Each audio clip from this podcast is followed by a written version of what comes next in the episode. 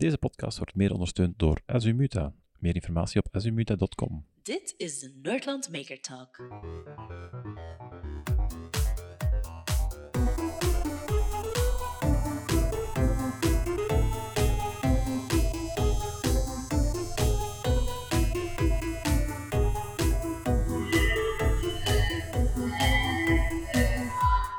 Dag Lien. Dag Maarten. We zitten hier op de, de volgende podcast, Nerdland Podcast, samen met Kurt onder andere. Jawel, jawel. Dag Kurt. Eh, en ja, jij bent erbij. Waarom? Omdat gisteren is de allereerste aflevering van Team Scheire, seizoen 2, op 14 uur online gekomen. En daar speel jij mede de hoofdrol. Ja. Want eh, jij hebt iets gebouwd voor, ehm, ja, voor kinderen die naar het operatiekwartier moesten. Daar gaan we het zelfs nog over hebben. Eh, maar ja, goed, Lien Korvits. Wij kennen elkaar via het, eh, via het werk, via IMEC. Ehm, hoe kom je eigenlijk bij Team Scheire terecht? Eh, onder andere via jou kom ik bij Team Scheire terecht. Ehm, En ik heb die gebeld. en Ja, heeft waar. mij gebeld, ja, voilà, inderdaad. En een drie, driehoek is rond. Nee, dat Voilà. klopt. Ja, voilà. Ja. Maar jij, jij, jij, jij- wat, wat doe jij, of wat heb je juist gestudeerd en wat doe jij nu juist bij IMEC?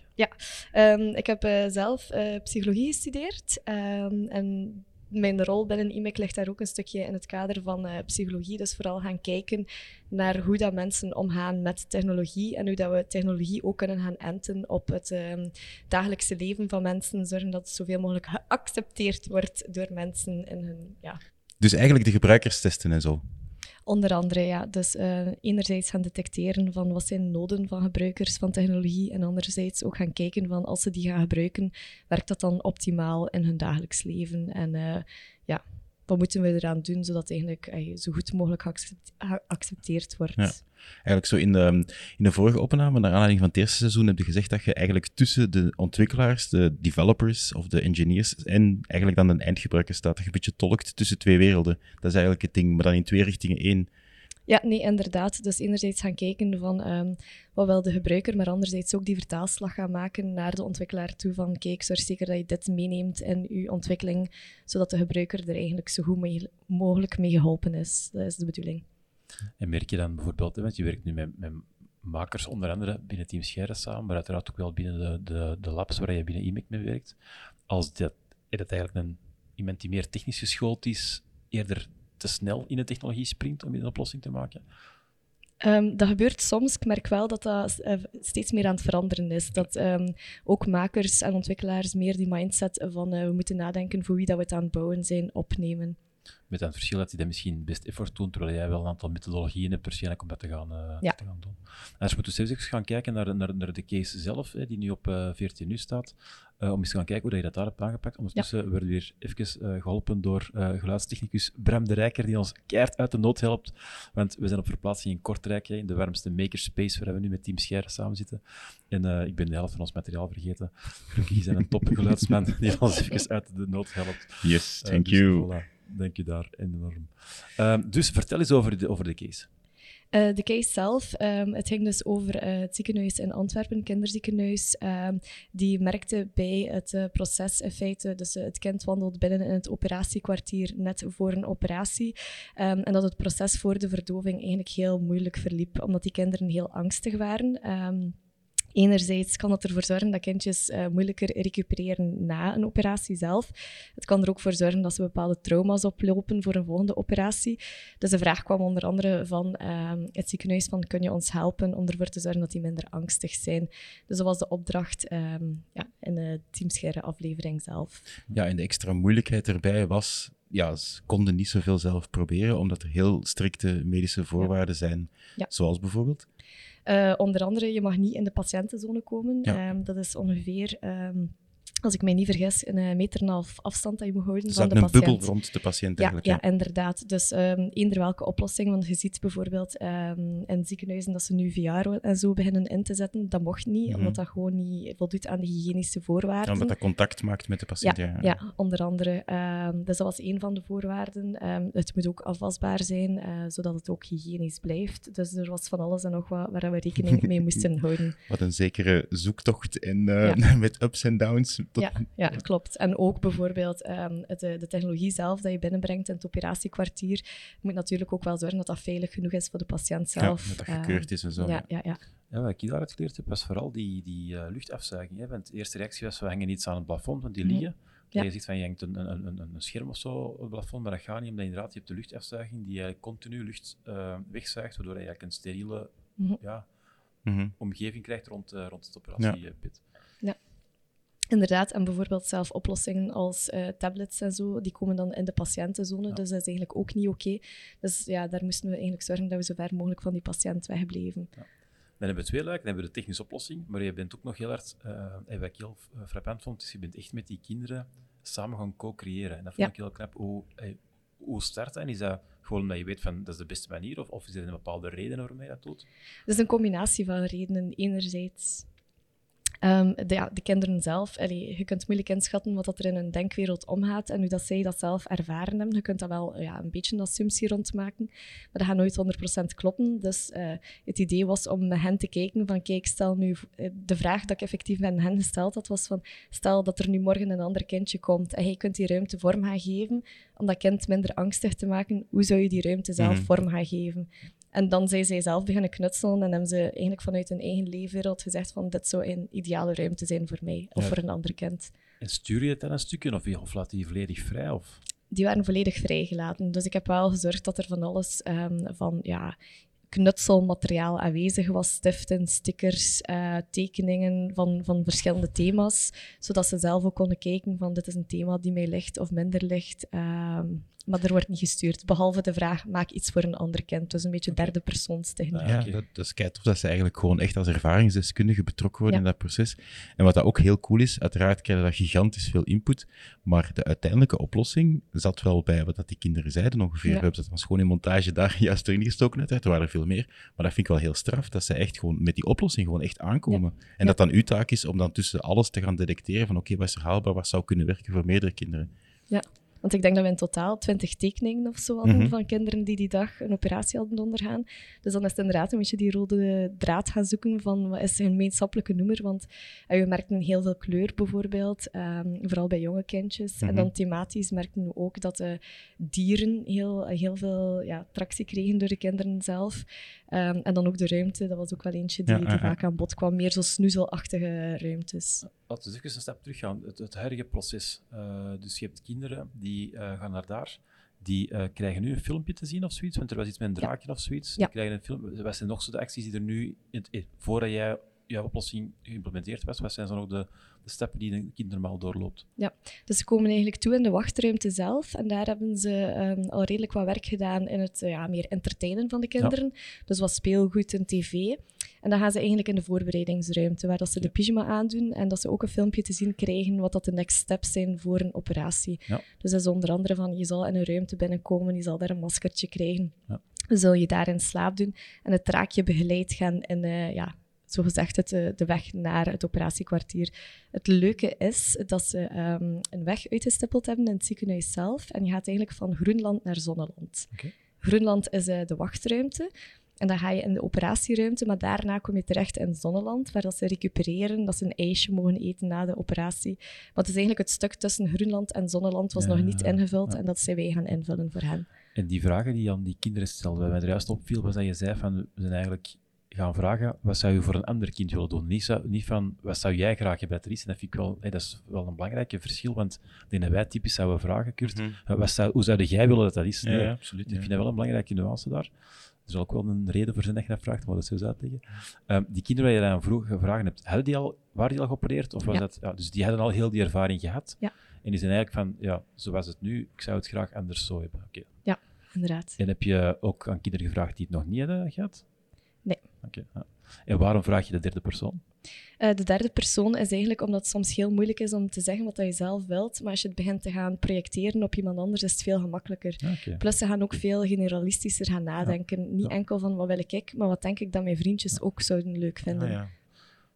En daar heb je inderdaad mensen die, die, heel, eh, die heel mondig zijn, die gaan dat misschien wel goed kunnen, maar zo al iedereen. eh, want er was één kindje, want ik zat naast jou gisteravond, toen we het gezien hebben, dat was heel leuk om te zien.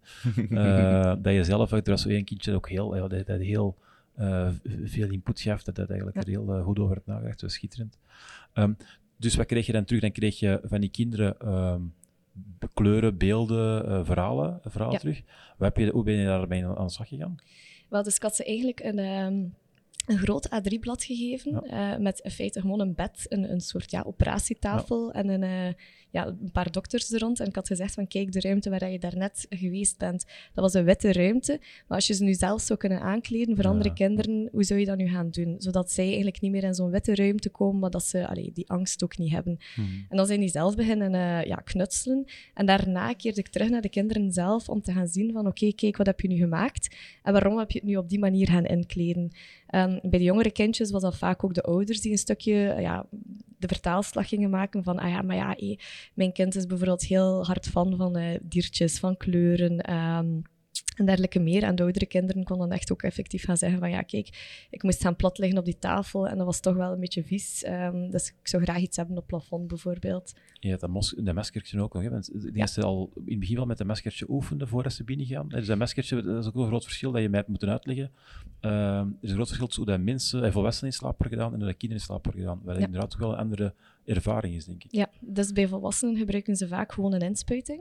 En is het masker effectief voor zuurstof te geven. Bij kinderen gebruiken ze het masker effectief met verdoving erin. En dat stinkt ook wel een beetje. Ja. Dat is een beetje, ja, dat voelt als een soort ehm, ja, stoffige. Dat, dat pakt een groot stuk op je adem. Dat is, Ja, ehm, ja, ja. dat is vies wel. Ja, dat is heel beangstigend op dat moment ook, Mhm. want je, ja, je wilt naar adem happen en je mag niet, dus ja, voilà.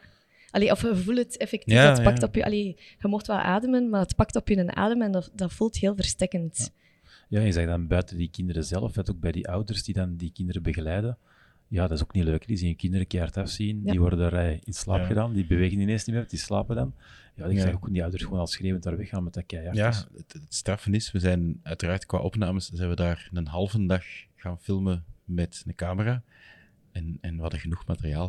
Dat, dat Ja, klinkt heel, heel ja. raar om te zeggen, maar het is echt wel een probleem. En dan moet u inbeelden, je hebt die ouders, dat is keihard voor hen.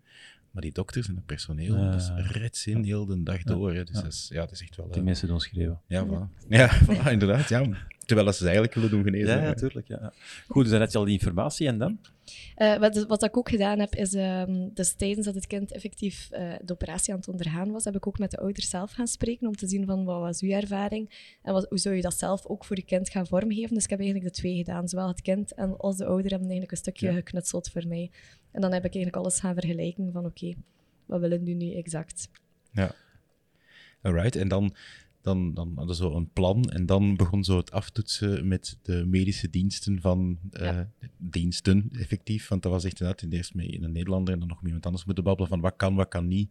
Ehm, en dat was een beetje een zoektocht dan zeker. Ja, dat was een enorme zoektocht. Omdat ze op een bepaald moment gezegd hadden ook van een prototype, dat mag sowieso niet eigenlijk in een ziekenhuis binnen. Dus dat was wel even paniek. Ehm, want ja, als je een prototype maakt dan en het mag niet binnen, dan zijn er niet zoveel oplossingen niet meer. Maar hoe doen ze dat dan voor nieuwe toestellen te testen? Want ja, op een, in elk ontwikkelproces heb je toch op een bepaald moment prototypes die dat je live moet kunnen testen. Dan, ja, maar hoe die doen ze worden dat in dan? een niet-actieve eh, klinische ruimte getest.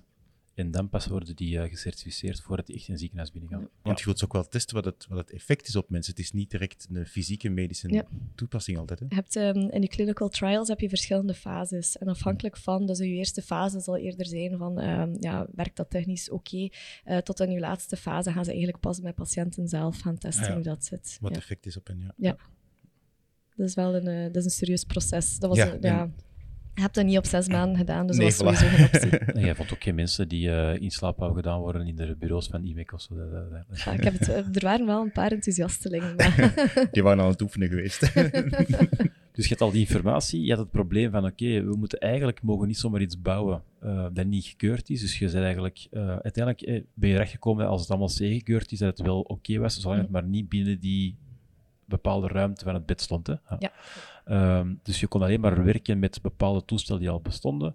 Je mocht niks aan de plafond hangen, je mocht ehm, niks vlak bij het bed, bed doen. Ehm, hoe ben je dan verder gegaan? Eh, dan vooral gaan kijken van wat bestaat er al. De, nog een extraatje ook, het moest afwasbaar zijn. Ja. Ehm, dus maar dan eigenlijk vooral gaan zoeken van oké, wat kunnen we gaan doen? Eh, zijn we gaan nadenken van kunnen we iets gaan doen met projectie? Maar dan was een grote uitdaging ook van we hebben heel veel lichtinval. Wat kunnen we daar dan mee gaan doen? Welke projector kan er op een korte afstand iets gaan projecteren en ook omgaan met ja, lichtinval? Dus dan dat gaan zoeken of dat dan een optie was. En daarna, een keer dat we wisten van projector, dat kan en dat mag, en eh, we kunnen daarmee verder gaan, zijn we eigenlijk gaan nadenken over de visual zelf. Van eh, wat moet Ja. dat nu exact gaan zijn? Want in de oplossing zit een short row projector. Hè? Ja, ja, zo, ja. Dat is zo specifiek een projector die daar op korte afstand, in een hoek zelfs zeker, hè? die projecteert niet recht, maar En wel, die gaat een, dat is een soort van fisheye-achtige Ja, ja, ja. projectie dat die doet. En dan zijn we gaan kijken ook met verschillende tags die effectief aan de muur hangen, om die projectie ook eigenlijk in de juiste positie te blijven behouden. Ja, want inderdaad, in een project is meestal gemaakt om op een platte muur te gaan projecteren. Hier heb je een kamer en je ziet ook inderdaad in de aflevering dat je gewoon heel die kamer kunt, eh, op heel die kamer kun je projecteren met één projector. Het is niet heel de kamer, maar het is eigenlijk vooral, ehm, om wat dat we gezien hadden ook met effectief dan de eye-tracker, was dat de kindjes als ze binnenwandelen, zien ze vooral die witte kasten, ehm, zien ze het plafond. Dus we proberen effectief die hoek dat het meest opvalt bij de kinderen mee te pakken met de projector. Ah, ja. ja, want die eye tracker, dat is ook inderdaad een, een fase dat erin voorkomt van om te kijken van waar gaan we op moeten projecteren. Mhm. Is het, want in de aflevering zit het heel hard dat het ehm, een bril is met cameraatjes op, of zit er nog meer technologie in om bepaalde patronen al te gaan detecteren vooraf of zo? Misschien ook even kort uitleggen wat een eye-tracker juist Ja. is, wat het doel is. Ja, wel, dus het doel van een eye-tracker is effectief, die kan ehm uw pupil eh, een stukje gaan volgen, Ja. uw pupilvergroting en zo. Dus het, eh, er zitten daar zo wat infrarood eh, ja, lichtjes op, infrarood camera, Ja. om het zo te noemen. Ehm, dus die kan eigenlijk de omtrek van uw pupil meten en dan ook zien, aan de hand van de camera kan hij dat daarop gaan enten om te tonen Ja. van iemand is in die richting aan het kijken Ja, naar dit want de camera filmt een volledig beeld, maar via Ja. die infraroodledjes kan je dan echt detecteren van daar en daar en daar Ja. wordt op dat Je moment... het erop. Ja, je het erop. Ja. Ja. En hoe, hoe ben je het dan in? Dus je, je weet het dan ten opzichte van het hoofd, neem ik aan. Mhm. Maar dan weet je nog niet naar waar het hoofd kijkt. Of...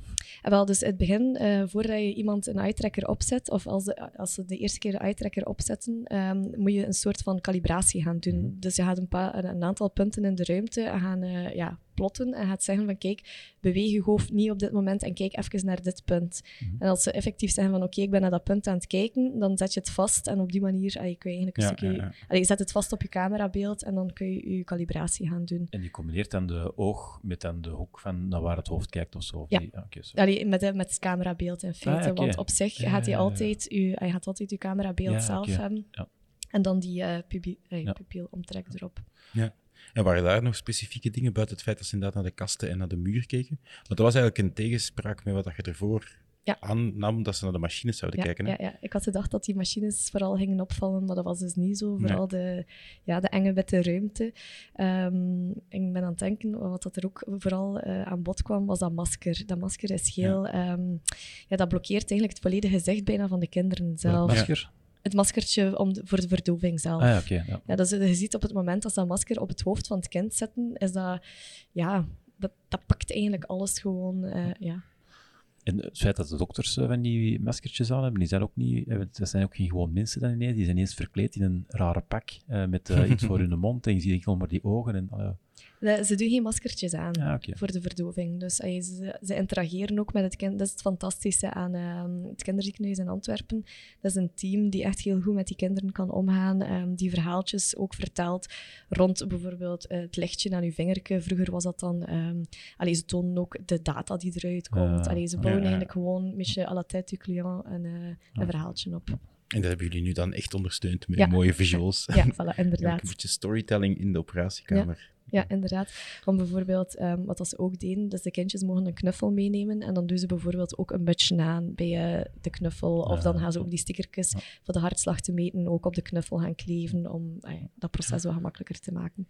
Wat je er juist aangeeft, hè, van die eh, assumptie van ja, je denkt dat die naar de machines gaan. Ik ben er vrij zeker van dat heel veel van jou, onze collega-makers, onder andere ik zelf ook, die assumptie als waarheid zouden aangenomen hebben en, zo Ja. het- en daarop verder gebouwd hebben. En dat vind ik dan het leuke, dat je eigenlijk gewoon bij design al je eigen assumpties gaat valideren. En inderdaad, soms worden die ontkrecht door de metingen die je dan doet en daardoor een oplossing bouwt. En dat is inderdaad, denk ik, de missing link soms, dat wij als techneuten soms hebben.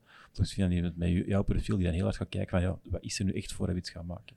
Ja, ja absoluut. En, en, want het is moeilijk natuurlijk, maar ik vind dat wel interessant om, om kun, zou daar een inschatting van kunnen maken. Stel dat je nu die eye-tracking die fase niet gedaan had en je had een oplossing gemaakt op basis van de eerste assumptie, namelijk ze gaan naar de machines kijken. Denk je dat die veel minder goed gewerkt zou hebben? Ik denk het wel, want effectief, als je kijkt naar die eye-tracking, dus het kind eh, wandelt binnen en kijkt eigenlijk bijna niet naar die machines. Ja. Dus die afleiding ging niet zo hard geweest zijn zoals dat die nu is. Ja. Ehm, het, het, het verschil is ook, ey, op een bepaald moment waren we aan het denken aan de machines en dan eerder zo AR-achtig die machines Ja, gaan inkleden. Ehm, maar op zich ey, merk je dat door een, doordat we een immersive space gecreëerd hebben, dat dat toch iets, iets compleet anders is geworden. Mhm. En van alle kindjes ehm, dat we de eye-tracking mee gedaan hebben, is er maar eentje die effectief naar de machine gekeken heeft. Ja. Dus ik denk dat we dan voor eentje niets gingen betekend hebben, terwijl dat we nu eigenlijk voor allemaal iets kunnen betekenen. Dus dan heb je een eh, projector gezocht, eh, want dat mocht dan wel. Waarom mocht een projector wel? Omdat die CE gekeurd was eh, en is dat ver genoeg van het en operatiebed? ver genoeg van de patiëntenzone, ja. En dan heb je dus je hebt een, eh, een beeld eh, dat je eh, projecteert. Er was een link tussen wat er al was of zoiets, want dat raakje kwam ook ergens terug of zoiets. Of? Ja, dus dat is eigenlijk de enige link. Oké. Ja, dus omdat allee, het draakje, de groene Louis noemt hij, ehm, gaat zogezegd mee naar het operatiekwartier. Dus wat dat we gedaan hebben op een bepaald moment, is de groene Louis gewoon gaan eh bluescreenen, om die ook Ja. in ons verhaal te integreren. Dat komt heel eventjes aan bod in de aflevering. Ja, maar heel dat was- beperkt. ja, heel beperkt, maar dat was ja, wel een fijne naam. ja. ja, dat was heel tof. En dus, ehm, eigenlijk, eh, de groene Louis komt van Theater Frufru. Mhm. En zij Ja. hebben eigenlijk een aantal bewegingen van de groene Louis gemimikt, zodat we die ook konden meenemen in de ruimte en de Ah, onderwaterwereld. dat is ja. En je hebt dan, heb je dan een je hebt een projector, je hebt een aantal markers die, ehm, waardoor dat je daardoor weet waar juist in de kamer dat je wat moet gaan projecteren. Mhm. Heb je dan een camera die dat ehm, meet en die, dan is er iets dat dan toch moet berekenen?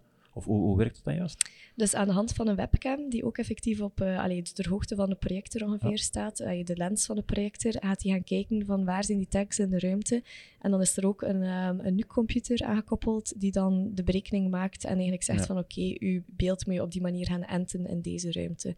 Het Ah, toffe is dat je zo op die manier eigenlijk aan de hand van verschillende tags ook ehm, je beeld kunt gaan aanpassen aan verschillende ruimtes. En een, een NUC-computer, mag je dat omschrijven als een zwaardere Raspberry Pi? Ja. Voilà, Ja. Dus je hebt een Raspberry Pi, want daar heb je het eerst mee getest. Mhm. Allee, met je developers Ja, ja. uiteraard.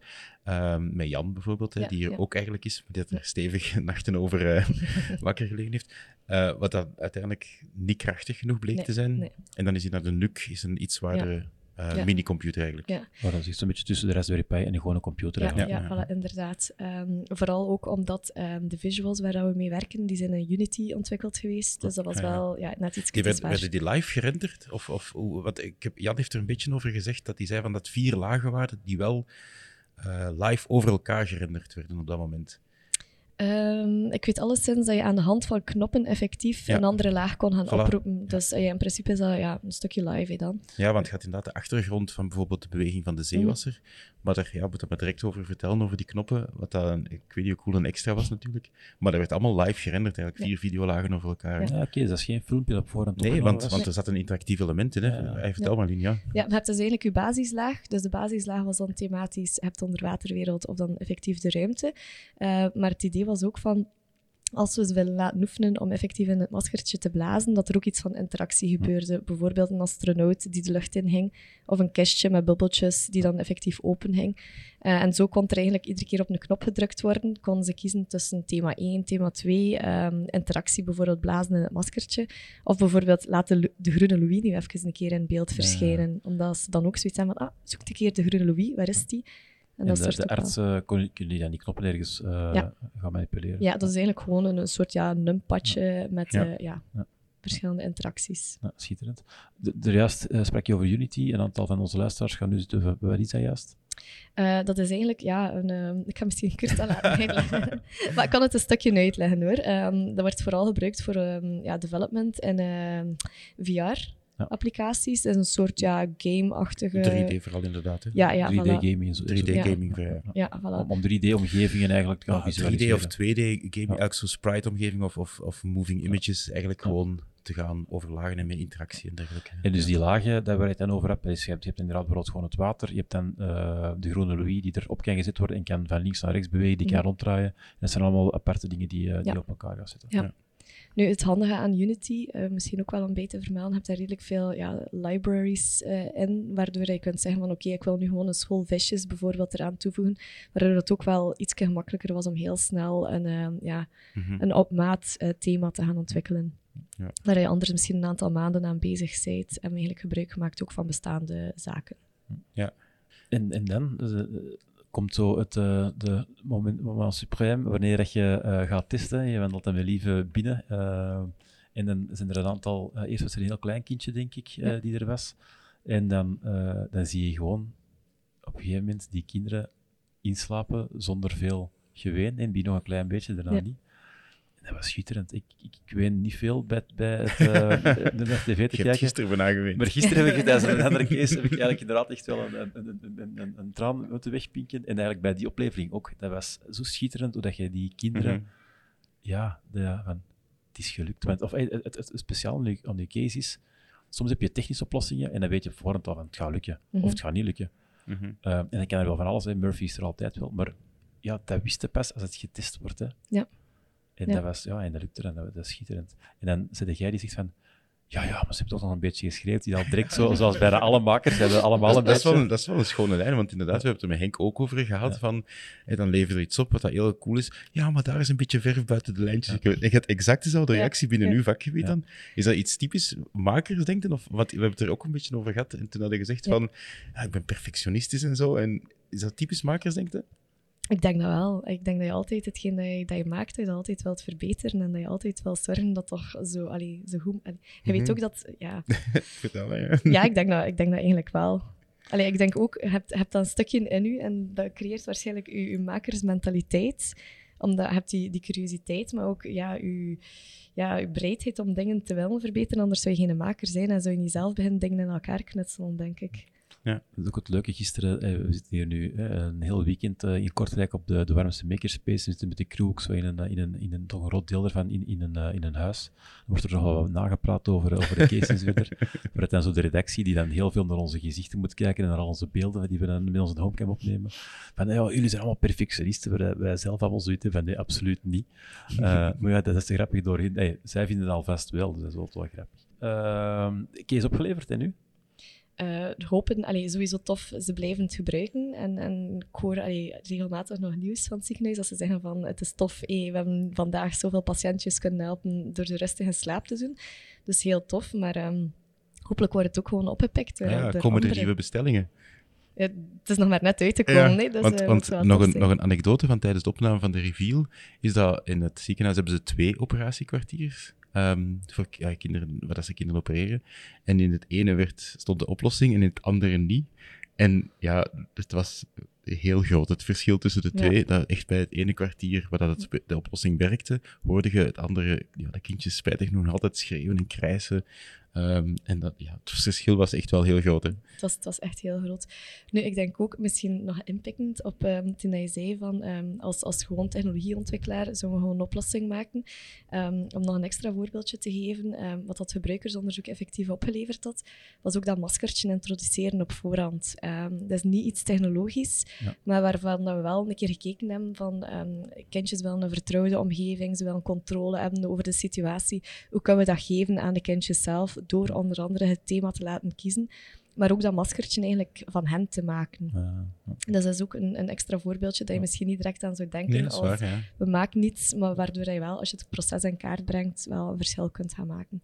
Je, je zei uh, gisteren dat er nu iemand was die uh, geopereerd was voordat jouw oplossing kwam. En die nu binnenkort terug moet geopereerd worden of zoiets. Ja. Is dat al gebeurd? Of moet dat nee, dat moet nog komen. Uh, ja. Maar de, de mama had het gezien en ze had gezegd van, ik wil met de uitvinding. Ja. Dus, ja, is dat nu wat je trekt, zo A of B? En dan... je kunt volgende week geopereerd worden in de gewone kamer of volgende maand. Nee, wat al, ze kunnen er misschien nog een businessmodel uitmaken. Nee, je betaalt extra om in uh, ja, de zo, kamer te... De premium versie, zo, ja. De VIP-versie. Uh, ook schitterend was die, was die gezichten bij die, bij die artsen. Hè? Toen je dan door ja. de erehaag mocht lopen, die waren allemaal zo blij. Dat was schitterend. Dat was ja, want dat was ik me ook aan het afvragen. Het feit dat die artsen rustiger werden, ja.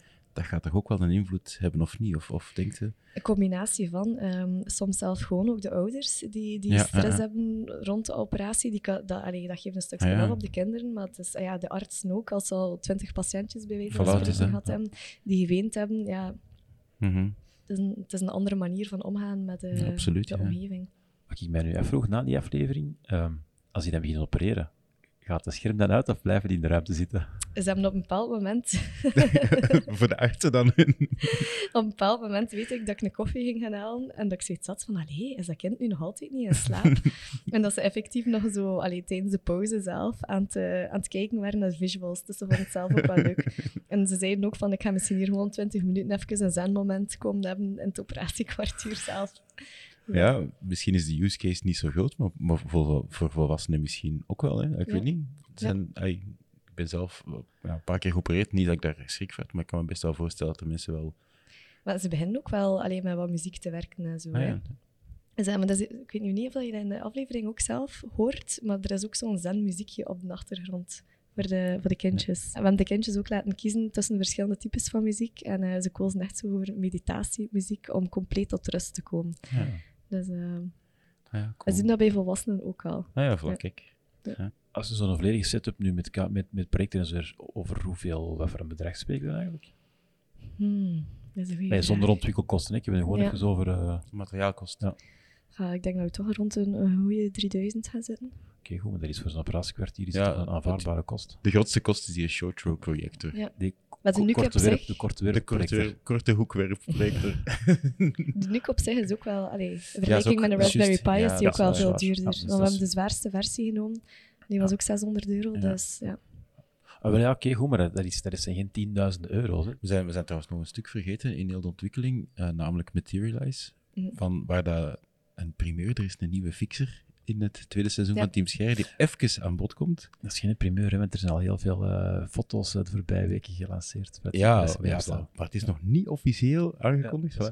Nee, ehm Christel Vandenberg Ja. is ehm, eh, ja, eigenlijk dezelfde functie als jij, Ja. ongeveer. Maar dan bij Materialize ook de link tussen klanten, maar dan vooral business opportunities zien en de engineers en de 3D-ontwerpers erachter. En die heeft ook wel een belangrijke rol gespeeld. Hè? Ja, ja, zeker. Want ehm, uiteindelijk moesten we zorgen dat alles afwasbaar was. Dus zij hebben Mhm. ons geholpen om ervoor te zorgen dat onder andere de computer, de bedrading en zo Ja. in een mooie casing zat. ehm, dat effectief alles volgens Ja, de standaarden van het ziekenhuis was. Ja. Ah. Ja, en, en niet alleen haar team, ook vooral zo de know-how van, omdat zij een hele medische Ja. expertise Ja. ook hebben van voor de medical dingen te maken. Bijvoorbeeld, ja, er moesten luidsprekers in zitten. Hè, want zo, ieder beamer heeft wel luidsprekers, Ja. maar ja, Mhm. dat klinkt gelijk metaal, dat is niet tof. Eh, maar aangezien dat afwasbaar moest zijn, zijn dat echt zo'n speciale luidsprekers. En zij hadden wel die know-how van, oké, je moet eerst Ja. luidsprekers pakken en zo verder. Ja, eh, super, super case, super eerste aflevering ook. hè. Er komt nog een heel stukje van, eh, van Anthony ook er uiteraard in, met Kenny. Eh, daar gaan we in de podcast eh, zeker nog eens over, eh, over uitweiden. Nu, jij zit hier ook eh, drie dagen in, eh, in Kortrijk. Ja. Waar we eh, met, ja, in totaal, eh, alle makers hebben zo een, een team of een teampje bij. Ehm, we zitten met 30 mensen ongeveer. Hoeveel cases, eh Kurt? Eh, Eh, elf zijn we er. 11 cases hebben we nu aan het doen op eh, drie dagen. Eh, of toch een poging tot. Wat ben jij aan het doen? Eh, we gaan iemand helpen ehm, die in een rolstoel zit, eh, die een eh, geleidehond, eh, een geleidehond ook effectief heeft. En normaal gezien zijn zij vanuit de wetgeving niet verplicht om de hondenpoep op te rapen, maar hij zou dat eigenlijk wel graag doen, want hij vindt dat niet zo tof voor zijn buren ehm, Mhm. als hij dat moet achterlaten op straat. Dus zijn vraag was van, kan je mij helpen om een systeem te gaan bouwen? Ehm, want hij heeft zelf niet zoveel kracht niet meer in zijn armen. Die, allee, effectief, als de hond, eh Trace noemt de hond, ehm, effectief iets gedaan heeft bij de buren of eender waar op het voetpad bijvoorbeeld, ehm, dat hij dat gemakkelijk kan oprapen en eh, meenemen naar huis. Hoe heb je dat gebruikersonderzoek gedaan? Zoiets komt er iemand langs, hier een zakje. We hebben vooral gekeken naar eh, de mama die het niet meer ziet zitten, om eh, als zij zegt van ja, maar ze heeft daar iets achtergelaten. eh. er, is, er is minder gebruikersonderzoek aan te pas gekomen. Ehm, vooral naar hem gekeken van wat kan je nog, wat kan je niet Ja. meer, Ja. wat zou je graag hebben. Ehm, het is ook heel kort, dus ja. ja. En hoe ga je dat doen? Het gaat een soort eh ja, opschepsysteem zijn, een beetje vergelijkbaar. Je hebt zo ook van die systemen, zo ehm, stoffer en blik op, op Ja. een steelachtig iets. Dus we zijn eerder in die richting aan het denken, al een paar iteraties gehad, ehm, hoe dat we effectief ja, hondenpoep het makkelijkst kunt op gaan scheppen. Dus eh, we gaan Ja, het zien. Want Ja. het eerste was, zo, wat ik zag, was het eerste was echt zo gelijk een, grijpkraan in de zandbak. Zo, dat je zo met twee halve driehoeken naar boven. Maar daar werkt het toch niet zo goed? Of? Eh, we hebben al van alles eh, gemaakt. Een, een schuifsysteem ook. eh, Mhm. Maar daar oh ja, was, was een beetje de vrees van het zal er gewoon tussen geplet geraken. Ehm, Ja. Dat wordt een moeilijke. De grijper is ook een idee, ehm, dat dat net iets gemakkelijker is, dat je er mooi rond kunt gaan. Eh, maar we zijn dus nu op dit moment nog zoekende wat dat de beste oplossing gaat zijn. Sowieso een schopje was een moeilijke eh, uit eigen ervaring, omdat ik zelf een hond heb en ik merk dat dat er af en toe een keer afrolt. Dus het moest sowieso iets gesloten zijn. Ja, ook gewoon de consistentie van een hondendrol, neem ik aan, verandert ook wel. Hey, Ja. De ene keer is dat heel hard en de andere keer is dat, is dat heel eh, plat. Of lang en dan opeens ja, meer op een hoopje. Of, Ja. ja. En, en is het, eh, was het ook een idee om, om anders te denken en in plaats van iets opscheppen, iets aan de hond te hangen? Dat die, of is dat nog moeilijker? Ehm, we hebben zelf ook gedacht op een bepaald moment van kunnen we de hond gaan inschakelen. Ehm, als hij zelf allee, meer moeite heeft om, om ja, met zijn handen een bepaalde beweging te doen, kunnen we bijvoorbeeld eh, via capacitive touch Mhm. de hond met zijn snoet bijvoorbeeld een bepaalde beweging laten doen. Maar we merken dat hij nu voorlopig wel nog voldoende met zijn vingers kan. Maar dat, Mhm. allee, we hebben eigenlijk wel verschillende pistes bedacht. Ja. Of zelf gewoon meer naar, naar crowdsourcing toe. Van willen mensen bijvoorbeeld gewoon gaan helpen om, om dat op te En rapen? dan geeft je die een hondenkoekje. Je hebt ook honden die hun eigen hondendrol opeten. Hè. Dat is ook een oplossing natuurlijk. Maar dat is niet zo Ah. gezond, denk ik. Nu sowieso, allee, het zakje effectief aan de poep hangen van de hond, ehm, die vinden dat niet zo tof. Nee, dat dus, snap allee, ik wel, ja. Een bruikersonderzoek heb ik daar toch wel een beetje... Bij de hond. Maar goed, dan, dan, dan schep je dat op. Hè. Laat, laat, laten we uitgaan dat dat goed gaat lukken. Mhm. Ja, dan is alles wel vuil. Dan is dat schepje of dat, dat, dat mechanisme Ja. eigenlijk wel vuil. Dat moet dan afgekuist worden, ook op een aanvaardbare manier. Ja, dus hij komt, hij komt straks langs. Het idee is dat we niet met hoekjes gaan werken, maar meer afgeronde kanten. Ja. Zoals het als het afgespoeld moet worden, dat dat gemakkelijker is, dat dat niet in hoekjes blijft steken. Of met een zakje gaan werken. Maar, Een zakje erover schuiven. Ja, Ah, ja, ja. Ah, Cool, oké. cool. Ja, ja. maar dus, allee, we gaan dat straks met hem bespreken ook, ehm, wat dat er het gemakkelijkst zou zijn. En dat is een case waar je je fulltime op kunt focussen nu? Of, ja.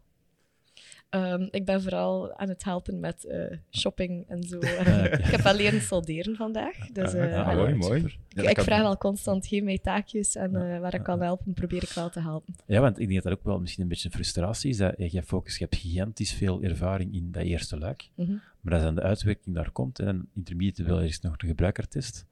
Eh, maar ja, nu je bent een beetje afhankelijk nu van de, uw, eh, uw- twee boys die u daarin uh, in, in bijstaan. Ja. Maar dan ofwel moet je een stukje meedoen, of, ofwel, hoe, hoe doe je, wat doe je dan? Probeer je mee te helpen? Of, of je precies van, nee, ik, ik focus mij op een andere case. Ik neem wel op je werk, ik ga dan gewoon naar een andere case en Ja. focus je daarop. Ja. Normaal gezien, eh, eh, allee, normale werkdag zou ik op iets anders beginnen focussen. Nu vraag ik wel van, leer mij, ehm, leer mij alles dat ik kan leren, zodat ik zelf ook dingen kan doen. En dat was ook een beetje de afspraak ehm, dat ik gezegd had van, kijk, probeer mij zoveel mogelijk taakjes te geven, dat ik ook Ja. allee, een beetje het makersgevoel heb. En, en hoe waren de eerste ervaringsjes? Is dat niet... eh smaakt het naar meer? Zo. Ja, maar ik vind het wel tof. Allee, ik, bedoel, ik merk nu bijvoorbeeld al dat ik een bibber heb om te solderen. Dat, dat, niet- dat ik zo een beetje een, een vaste hand moet vinden. Maar ik vind het wel tof allee, als ik dan effectief eh, dingen aan elkaar kan vastmaken. Dan is het van, ah, kijk, ik heb het gemaakt. Dus, Denkt, denkt u dat dat... Een serieuze vraag zelfs. Denkt u dat dat u een voor- of een nadeel zou kunnen geven? Stel dat je als gebruikersonderzoeker sneller eh, of meer technischer kennis hebt. Zou dat een voordeel zijn omdat je dan sneller kunt werken, omdat je sneller richting een oplossing... Of is dat direct al een nadeel, omdat je misschien te narrow, te, te eng in een bepaalde richting gaat denken dan? Ehm, ik denk voor mijzelf dat dat mij net iets te eng Ja, zou... ja, eh, allee, denk dat ik dan te veel zou beginnen denken aan wat dat er effectief mogelijk is en wat niet. Ja. En soms moet je in, in het beginstadium heel breed kunnen gaan nadenken van naar alle ja. mogelijke oplossingen en die noden ook blijven verdedigen. Mhm. En dat is wel vaak de discussie dat ik dan heb met ontwikkelaars, dat ze zeggen van ja, maar dat is niet mogelijk. En dat ik zoiets heb van ja, maar die gebruiker wil dat, doe dat. Ja. Dus, En dat je hen, ja. ja, de grenzen voor hen dan eigenlijk verlicht dan. ja, ja. Deze podcast heeft eigenlijk een beetje een, een dubbele eh, reden. Eén reden is inderdaad dat we met, met makers eh, en met mensen die daar rond werken willen gaan praten en gewoon eens even eh, their side of the story eh, willen horen. Maar een tweede deel is dat we eigenlijk een beetje op zoek gaan naar de definitie van wat is een maker. En eh Kurt probeert dan ook af en toe nog op affiches en zo in posters zitten, zoals hier beneden staan. En dan komt hij vragen, Maarten, is het oké zo? en dan we proberen eigenlijk samen daar een beetje iets in te vinden. Nu, het is heel leuk. We hebben, we hebben Henk Rijkaard al gehad. Mhm. Henk Rijkaard die heel hard met wat hij het esthetische stuk werkt. Dus hij heeft gigantisch veel kennis rond heel veel eh, mechanische zaken. Ik ken uiteraard ook wel een beetje met Arduino en ik ken een beetje, ik ken dat heel goed. Maar focust zich heel hard op het, op het externe, eh, Op de hardware, de body, de hardware. ja. ja. We hebben met Sebastian Janssen ook al gepraat, die eigenlijk zich, dan weer meer bezighoudt uh, met elektronica, ondanks dat je kan ook wel laserkutten en zo verder, je kan ook zeker behuizingen maken en zo verder. Maar is meer software Maar het is inderdaad vooral software. Jij zit daar nog in een, in een derde een kwadrant te maken, in een ander kwadrant eigenlijk. Als we jou vragen, wat is de definitie van een maker? Of wat is voor u een maker? Ja, wat is voor u een maker? Ja, ik denk, um, de definitie van een maker is vooral het, het, um, het kunnen behelpen met hetgeen dat je in je omgeving hebt. En dat is soms de mensen in je omgeving, dat kunnen de materialen zijn. Um, maar ik denk dat dat voor mij allee, eigenlijk een beetje ja, plantrekkerij, om het zo te noemen. Mm -hmm. en, en ook creatief kunnen omgaan met situaties. Het is niet omdat je bepaalde kennis niet hebt of bepaalde skills niet hebt, dat je niet kunt op zoek gaan naar een oplossing. En bij mij is dat dan bijvoorbeeld, ja, ik heb de, de typische, allez, zoals dat makers vroeger gedefinieerd werden, die skills niet. Maar ja, dan denk ik van, dan is het gewoon een kwestie van iemand vast te grijpen. En dat zie je hier nu dit weekend ook. Het is fantastisch hoe dat iedereen beroep doet op elkaars ervaring, kennis. Um, van, ah, kijk, eh, ik weet dat jij dat vroeger nog een keer gemaakt hebt. Wat was uw ervaring? Moet je dat doen? Moet je die richting uitgaan of niet? Ik denk dat dat een van de belangrijkste zaken is. Gewoon echt creatief kunnen ja, oplossingen. Uh... wel, voilà, je tijdens die oplossing van een probleem tot een bepaalde oplossing te komen. Ja, inderdaad. ja het is inderdaad schitterend hier. Hè. Je ziet ja, eh, de, de, diversiteit van mensen die hier mm. bij elkaar zit. Iedereen met zijn eigen, met zijn eigen ja, background en, en ervaring. En het is gewoon inderdaad kei tof dat je... Hey, ik, zit aan tafel met een aantal uh, studenten en oud-studenten van, uh, van, van onze opleiding. Uh, en naast mij zit dan uh, Anthony, mijn crew. Daarnaast zit Katrien, uh, een aantal mensen van Microsoft. En daarnaast zit, zit ja, Ronald, die zit zo overal. Ronald last voor iedereen. Ja, nee, hij wordt er ook kwaad van. Ik altijd aan het lasten is. Dat is helemaal niet het vandaag. Kan ik ook wel andere dingen zeggen. nee, maar het is inderdaad... Dat is inderdaad Katrien, haar team. Nee, maar het is inderdaad toch die kruisbestuiving dat je bijvoorbeeld het team van Katrien, Microsoft, die zijn heel IoT in de cloud dingen aan het maken, maar die hadden een knop die dat ze dan een Raspberry Pi En dan waren een doosje ervoor en dan zijn er zo twee kinderen van Stik van Technopolis hebben dan dat doosje getekend en dan, ja, dat, zo, die ja. kruisbestuiving. En dan de rest kwam ze mij, kan jij dat 3D printen? Dus ik laat dat in, ja, het duurt drie uur. Oh, dat ga je niet, we moeten ervoor opleveren. Oké, goed, dan gaan we lasercutten. ja, cool, En dan heb je inderdaad ook nog uh, Christina die hier ook is, uh, Deepak die hier ook is. Uh, iedereen is er gewoon, dat is uh, superleuk. Absoluut, ja, het is echt, echt feest. maar wel een makersfeest, echt zo, ja. Ja, maar het is ook, ik vind het, ik heb in het verleden altijd voor Team Scheire uh, cases gedaan die ja, een beetje, soms een beetje atypisch waren, vond ik. Uh, maar gisteren hebben we, een, eh, een, hebben ehm, knoppen moeten maken voor iemand met een hersenverlamming. En die, kon eigenlijk, die heeft nu twee knoppen die gewoon moeilijk werkten, waar het hem ja en nee kan zeggen. We hebben die knoppen wel aangepast, dat die veel gemakkelijker waren, maar vooral dat ze ook muziek kon spelen. En ja, ik zat dan, het is hier een beetje opgebouwd met een mhm. podium. Mensen komen dan opstaan en dan uh, komt lief een uitleg doen. Dan mochten wij de oplossing overhandigen. Uh, die eh, versie 1 is er, maar we gaan nog verder werken aan versie 2. Want we hadden maar één dag, met die mensen vertrokken op vakantie. En één dag om iets volledig te bouwen met uh, muzieksystemen. Dus draadloos, draadloos is inderdaad uitdagend. Um, maar op het moment dat je met zijn hand naar zo'n knop gaat en die muziek speelt, dat hij begon te lachen en te doen. Fantastisch, dat, is, dat is zo zalig. Dat is echt dat is zalig. Ik weet niet zo rap, maar dan was ik ja. even moeilijk. Ik, ik, heb, ik heb me even omgedraaid, omdat ik dacht van, oh, oh deze is een beetje emotioneel. Wel fantastisch. Dat was en, die, echt en die gasten die, die, die, die bij hebben, die waren, dat is eigenlijk de eerste keer, denk ik, dat die iets maken voor rechtstreeks voor een persoon. En ook, en daar kwam het dan terug, hè, die, eh, in zo'n makerspace bouwt heel veel prototypes, maar je moet het afgeven, dat moet blijven werken. Hè, want dat is ook mm -hmm. het toffe van je, je ding nu dat draait nog altijd in het ziekenhuis. Ja. En dat wordt nog altijd gebruikt. En dat is zo het, uh, ja, de, de, de next, extra level tussen iets prototypen en iets bouwen voor iemand anders. Ja. Uh, wij zijn nu bezig aan een, eh, een case uh, van iemand met een rolstoel die uh, probleem is achter haar, auto, achter haar auto parkeren en dan krijgt ze de klepnummer op en kan ze de rolstoel niet, niet, niet meer daar plaatsen. En dat was zo, oké, okay, we kunnen dat en dat gaan gebruiken. Ah ja, dat hangt wel buiten, want hè, die sensor die hangt buiten, dus die kan net worden. En dat, ja, nee, dat moet aan die auto blijven hangen, dat moet blijven werken. En dat is zo ineens zo ja, een extra... een real-life case. Ja, dat is dat. Ja, op de uitdaging ja. echt uh, concreter en dat is wel, dat is wel cool. Als je zo um, binnen, uh, heb jij van, nadat je gestudeerd hebt, zeg je direct voor e gaan werken, of, of heb jij nee. gedaan? Nee, ik heb eerst uh, wat marktonderzoek gedaan, eigenlijk altijd in het veld van innovatie gezeten. Eerst meer zo concepttesting um, voor commerciële, uh, commerciële consumer um, goederen. Ja, dat was vaak bijvoorbeeld ehm, een nieuw biertje dat ze wilden ontwikkelen. Van hoe zou dat aanslaan in de markt? Marktonderzoek bij bier. Oké, ja, en waarom moest je dat doen? dat, was, maar dat, dat was van alles en nog, maar dat ging vaak over ja, echt, ja, meer zo de consumer goods. Ehm, heel vaak ging dat over eten, bijvoorbeeld. eh, Mars die een nieuwe verpakking had eh, voor ja, bepaalde ja, snoepjes of weet ik niet wat. Zo de Eh, meer klassiekere gebruikersonderzoek. ja, dat was echt typisch marktonderzoek. Ja, marketing. Ja. ja, ja, ja, voilà. En daarna ben ik, ehm, heb ik bij het innovatiecentrum gezeten, waar ik eerder ehm, ja, B2B geweest eh, bedrijven hielp met hun innovatie. Dat was wel de, de front office van het, eh, het IBT van, van vroeger. Hè? Ja, ja, Ja, ja, voilà, inderdaad. Dus inderdaad, zoals er bedrijven eh, op zoek waren naar innovatie, moesten jullie zo de link leggen tussen, tussen wat zij kunnen gaan doen, al dan niet met, met eh, onderzoeksinstellingen, als ik het goed voor heb. Nee, wij, wij deden effectief meer zo de, de, de coaching en Ja, de begeleiding. ja, Ja, Dus je had twee afdelingen. Effectief degene die hielpen met het, eh, ja, het zoeken naar funding en zo. En dan had je een ander luik ook. En er waren meer de mensen die de begeleiding deden en de ondersteuning daarin. Daar werk ik altijd heel graag mee samen. Dat waren inderdaad de mensen die dan, als er bepaalde bedrijven technologische oplossingen nodig hadden, dan kwamen die heel veel, als het over lokalisatie ging, eh, naar mij. En zo heb ik heel veel projecten samen met bedrijven gedaan. Ik vond dat super, super waarschijnlijk wel, plezant. ja. Nu zijn die met de switch naar Flyo zijn die mee eigenlijk meer geïntegreerd in, in Flyo. Ja, ja, inderdaad. Die, die bestaan eigenlijk niet meer. Hè. Ja, de mensen zijn Allee, de oude versie. Ja, de mensen zijn er nog maar. meer, eh, ja. Ja. En dan ja, de combinatie van de twee. Het, eh, het marktonderzoek, meer het gebruikersonderzoek. eh, en dan ja, meer de innovatiebegeleiding. ehm voilà, heeft mij tot bij IMEC eh, geleid. Ik wel dat je heel veel eh, impact hebt hè, waar je nu bij mijn kantoor bent. Want je, verandert, want je, je hebt meestal je hebt externe klanten van IMEC. hè. Je bent een van de mensen die bijna altijd voor externe klanten werkt, denk ik. Of, of ook intern. Eh, vroeger, vroeger wel. Ehm, En dan ben ik zelf een beetje gaan focussen naar ehm, hoe kunnen we zelf technologie en innovatie gaan binnenbrengen in onze eigen werking. Ja, Oké. Dus dan was eigenlijk ja, IMEC zelf een beetje de klant. Is er nog veel werk aan? Er is, er is altijd werk. We zijn perfectionisten, dus we zien Ja. altijd opportuniteiten. Ah, maar dat, dat is nu de tweede keer dat je zegt van die perfectionisme. Vind je dat ook iets dat, de- dat een maker dat heeft? Of nodig heeft? Of, of kan hebben? Of, of hoe belangrijk is dat voor een maker?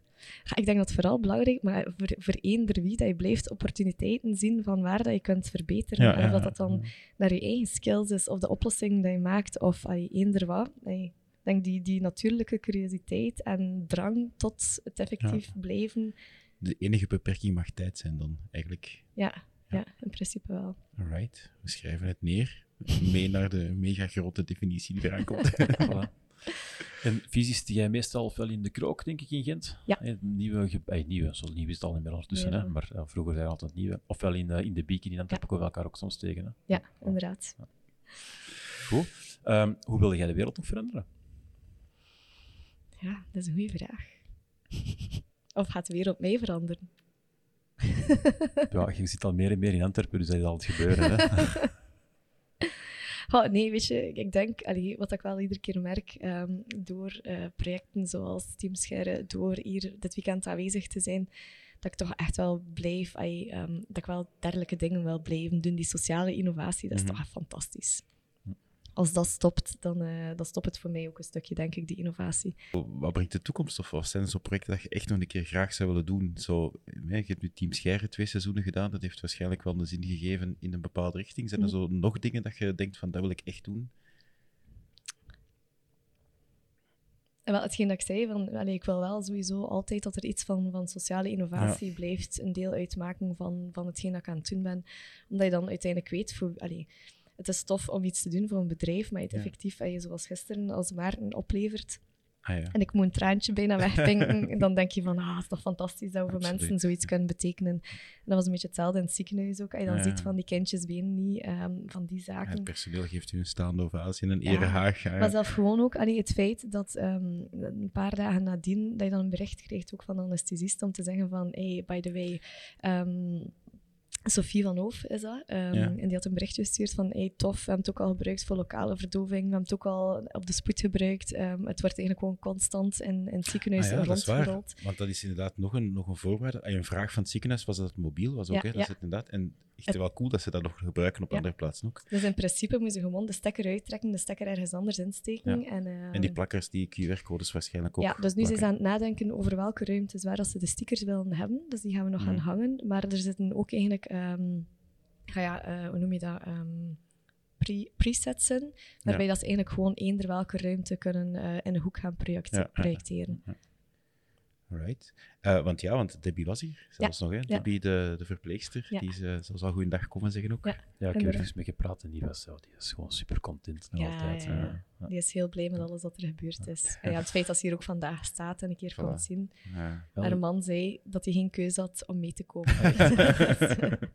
Ja, eh, dat is een beetje een dubbel dit weekend. Hè. Ik bedoel, we hebben een, eh, gisteren was de allerlaatste opnamedag eh, van, Ja. eh, van Ja. Team Scheire van seizoen 2. Ik had, dat was een, een case die ik nog moest opleveren. En dan daarna heb je zoiets van, ja, het is gedaan. En nu zitten we hier nog in een zalig weekend.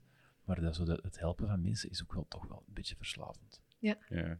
Zo die kick van die mensen, die gezichten, dat is, dat is zo cool. Daar doet het gewoon voor. Hè. Dat, is, eh, dat Ja. zeg ik tegen, tegen mensen van mijn team nu. Daar doet het voor, punt. Ja, voilà, inderdaad. Ja, of, bezig of, of misschien zelfs de combinatie. Gewoon het feit dat je iemand keihard kunt helpen. En dat je gewoon voor wij gewoon de kick van, right, dat is een uitdaging, dat ga ik een keer eens doen. Ik denk, de maker, dat dat wel algemeen kan zijn, dat dat voor de twee ook wel, Ja. wel geldt. Hè? Wel zeker, dat, ik bedoel, dat van die uitdaging plus het, het continu leren. Want je, Mhm. ja, typisch kiesde van deze, deze weekend niet. Deze weekend probeer het echt wel zoveel mogelijk dingen die je al kunt te gebruiken. Ja, je ja. niet de tijd gebruiken om een dag iets nieuws te leren. Maar in ander proces, zeker in Team heb je dat altijd wel gedaan. Omdat je inderdaad, ja, je wilt bijleren, je wilt je eigen uitdagen. Anders houd je dat niet vol, heel dat proces. Maar ja, de, de return op het moment van oplevering is zo groot. Ja. Dus, eh, ja, dat is echt Ja, dat is sowieso gevloekt keihard tijdens, tijdens het proces naar de oplossing zelf. Dat hebben we gezien. Allee, ik heb misschien nog meer dan... Allee, wij met de redactie nog Ik, meer heb- ik dan heb de... geprobeerd van niet te vloeken en mij wat in te houden, maar ik heb het wel toe een keer gedaan. Ik heb het heel vaak gedaan. Iedereen, denk ik, ja. Ik denk Maarten daar- ook. daar uren en ja. uren. Dat Maarten door zijn weinige haar de rust. Ik blijf, ik blijf het vergelijken met zo, je doet renovaties aan je huis en je zegt op het einde van nooit meer. Of je bent bezig en je zegt nooit meer dat je in je huis mocht en zoiets hebt van, ach, het is toch de moeite waard geweest. Ja, en het mooi, is, hey, we moeten spijt genoeg voor de andere aflevering nog wel even wachten. Ja. Maar tegen dat die dan terugkomen en hebben ze terugzien, dan zijn al, al Ja. de afziens er al vergeten. Dat is gelijk de marathon lopen. Hè. Tijdens of net na die marathon zie je dat nooit niet meer. En Ja. twee dagen later is het van, hmm, dat gaan we nog eens doen. Ja, voilà. Dat is net hetzelfde bij dit. Misschien Eh, daarom dat ze intentioneel gewacht hebben met, Ja, de, voilà, met de dus opnames ja, uit te zenden. Ah, dat is het plan. Had jij nog een case? Of was dat geen... de- Nee, nee. ehm, dan heb ik effectief bij jou ehm, geholpen voor de Ja, meeting te doen. En eh, bij Katrien heb ik ook ehm, eigenlijk wat Ah, gebruikersonderzoek ja, oké, gedaan. super. Ja. Heel complementair inderdaad aan de, Ja. aan de andere zaken. Nee, super. Goed, nee. Eh, bij deze denk je dat we gaan, eh, gaan, eh, gaan, gaan afsluiten. Ja, voilà. Ik denk, heel fijn. Ik denk, Ja. De babbel, de mensen nog een beetje extra achtergrondinformatie. En voilà, ik denk dat dat kunnen cool was. En ja, voilà, zoals Maarten in het begin zei, ondanks het feit dat het misschien atypisch is, maar je bent even goed maker, denk ik. Je hebt even goed die mentaliteit en, en de wereld schoner willen maken en mensen gelukkig willen maken vanuit een, een passie en een drang om zo perfectionistisch mogelijk dingen af te leveren en nieuwe dingen te maken. Dat is een rare definitie, maar voilà, misschien wat het een beetje samen. Nee, ik vind, ik vind het op zich wel tof, want ondanks het feit dat ik eigenlijk niet de, de typische maker ben, vind Mhm. ik het wel leuk dat ik ook opgenomen word in de, in de, in de maker-community, om het zo te zeggen. Ah ja, maar je bent superbelangrijk ook, hè, als, als, als klankbord, als, als link naar de gebruiker. Eh, voilà, absoluut. Ja, want ik heb meestal het gevoel dat het omgekeerd is. Dus dat, dat is- allee, ik heb altijd het gevoel van ik heb de maker nodig om iets te kunnen maken als oplossing voor mijn gebruikers. Maar ik vind het wel tof dat, ook, allee, dat de visie ook omgekeerd is. Ja, ik denk het wel, ja. Maar dat is, dat is altijd zo. Hè. Ik bedoel, hij pakt nu... Ik ben... Waar ik zelf nogal goed in ben, dat is om zo software, hardware en met allemaal wat te combineren met elkaar. Maar uiteindelijk, als ik echt diep wil gaan, heb ik wel iemand nodig die heel hard in de hardware zit, die heel hard in de software zit, enzovoort. Dus je hebt altijd wel andere mensen nodig waar je Ja, op moet dat is leunen om een goede oplossing te bouwen. Het was een eer om gisteren met jou de laatste aflevering te mogen zien. En ik vond het ook een eer om u, hier in onze podcast te hebben. Eh, en om onze definitie rond maker weer een beetje te kunnen uitbreiden. Het was een eer om hier te zijn. Dankjewel. Dag. Dag. Dit was de Nerdland Maker Talk.